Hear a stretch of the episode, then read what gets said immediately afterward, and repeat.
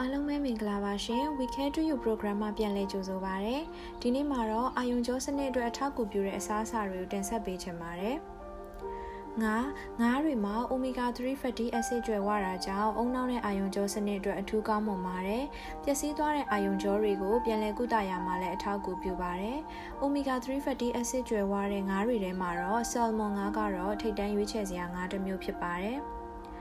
dark chocolate chocolate လို့ပြောလို့ရှိရင်ဈေးကွက်ထဲမှာရှိတဲ့ chocolate အများစုကတော့အချိုတွေအရသာတွေအများကြီးနဲ့ပြုပြင်ထားတာကြောင့်ကျန်းမာရေးကိုပိုဆိုးစေပါတယ်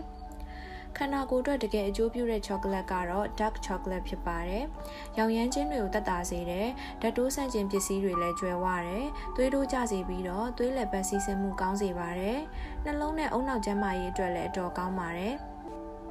dark chocolate ဝယ်မယ်ဆိုရင်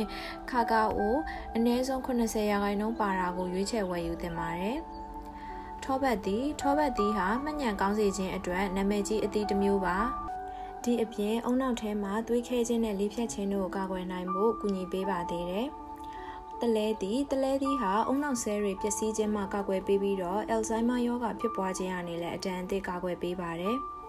တန်လွင်စီအုံးစီတန်လွင်စီနဲ့အုံးစီတို့ကမှတ်ညံစွမ်းရည်ကောင်းမွန်စေပြီးတော့သွေးတွင်းမှာရှိတဲ့မကောင်းတဲ့အဆီတွေကိုကျစေတယ်သွေးတိုးလည်းကျစေပါတယ်